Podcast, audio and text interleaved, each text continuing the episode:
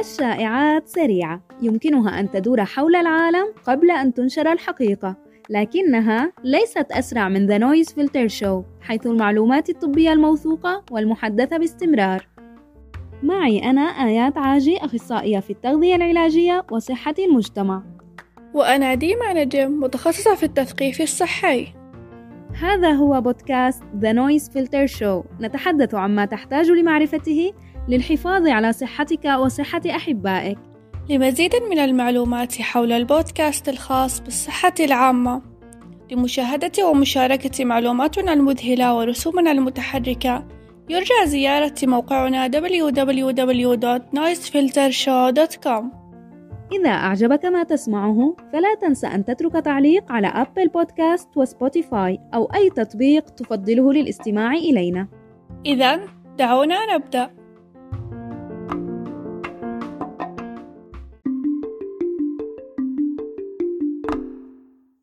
كيف يمكن علاج الأطفال من حساسية الفول السوداني؟ بأمان؟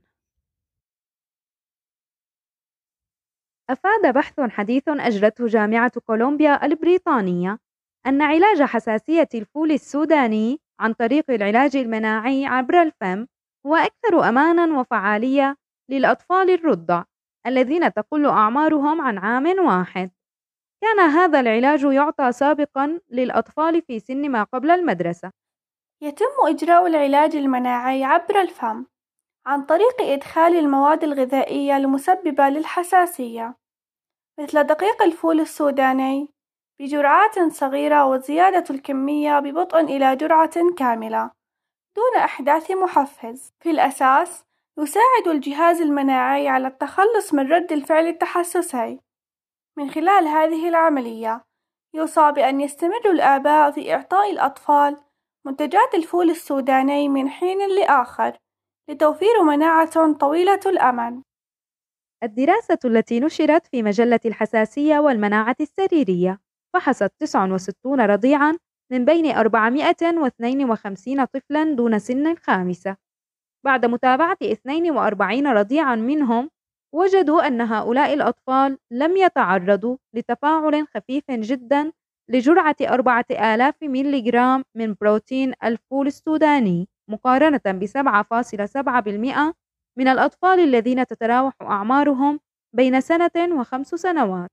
إحدى الحقائق المثيرة للاهتمام هي أن حوالي 30% فقط من الأطفال لديهم رد فعل خفيف جدا في الاختبار الأولي مقارنة بحوالي 50% من الأطفال الذين تتراوح أعمارهم بين سنة وخمس سنوات وفقا للطبيب المسؤول في الدراسة ومع ذلك يقول مؤلف الدراسة أنه لا يزال من الآمن الحصول على العلاج المناعي الفموي للأطفال دون سن الخامسة مقارنة بالأطفال في سن المدرسة. لمنع الحساسية من الفول السوداني، أدخل زبدة الفول السوداني أو دقيق الفول السوداني في النظام الغذائي للطفل عند بلوغه ستة أشهر.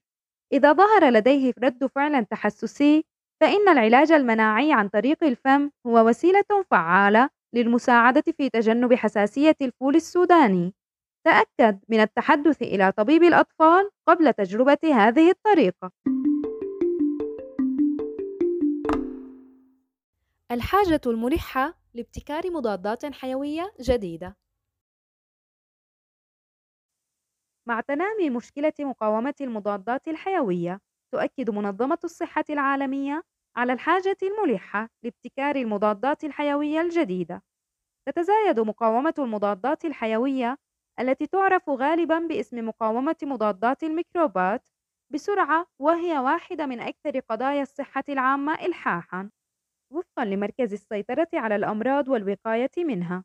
يحدث أكثر من ثلاث ملايين مرض مقاوم للمضادات الحيوية في الولايات المتحدة كل عام تشير مقاومة مضادات الميكروبات إلى قدرة الميكروبات مثل البكتيريا على تحمل الأدوية التي تهدف إلى تدميرها. أحد الأسباب الرئيسية للمقاومة هو الإفراط في استخدام المضادات الحيوية على نطاق واسع.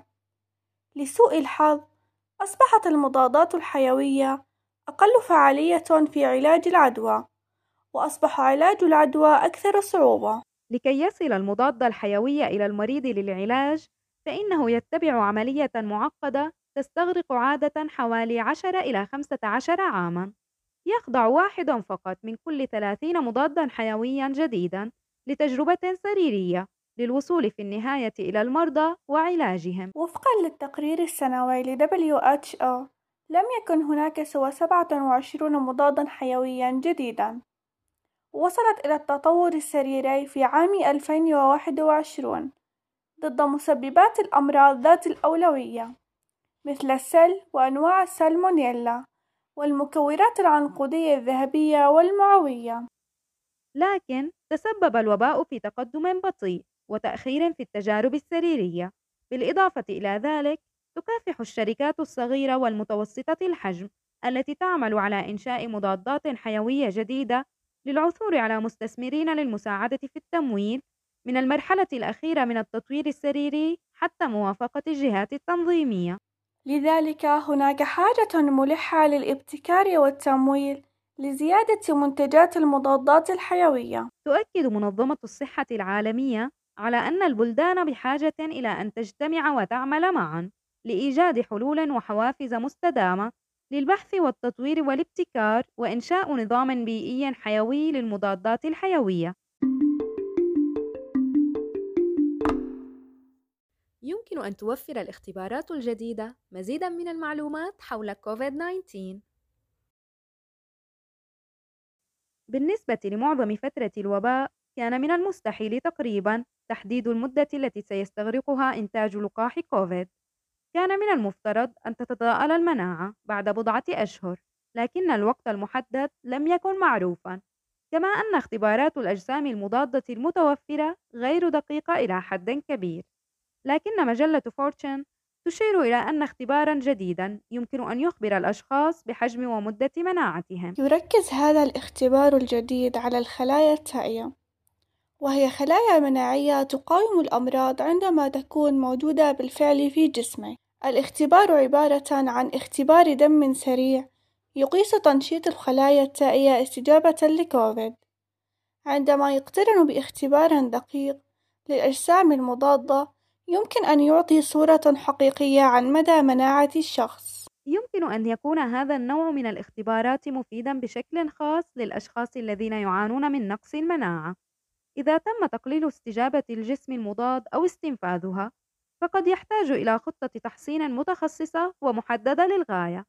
ويمكن أن تساعد مراقبة استجابة الخلايا التائية الأطباء على تخصيص توصيات التطعيم الخاصة بهم. يمكن أن يساعد هذا الاختبار في مراقبة مناعة السكان بشكل عام، فضلاً عن فعالية اللقاحات الجديدة والقديمة، ويمكن أن يساعد بشكل كبير في ضبط استجابتنا للجائحة.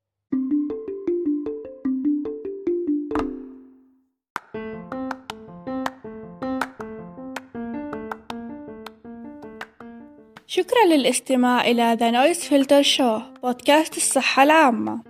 تأكد من الاشتراك في بودكاست The Noise Filter Show ومتابعتنا على وسائل التواصل الاجتماعي. واترك لنا تعليقا لنعرف ما الجزء المفضل لديك من الحلقة.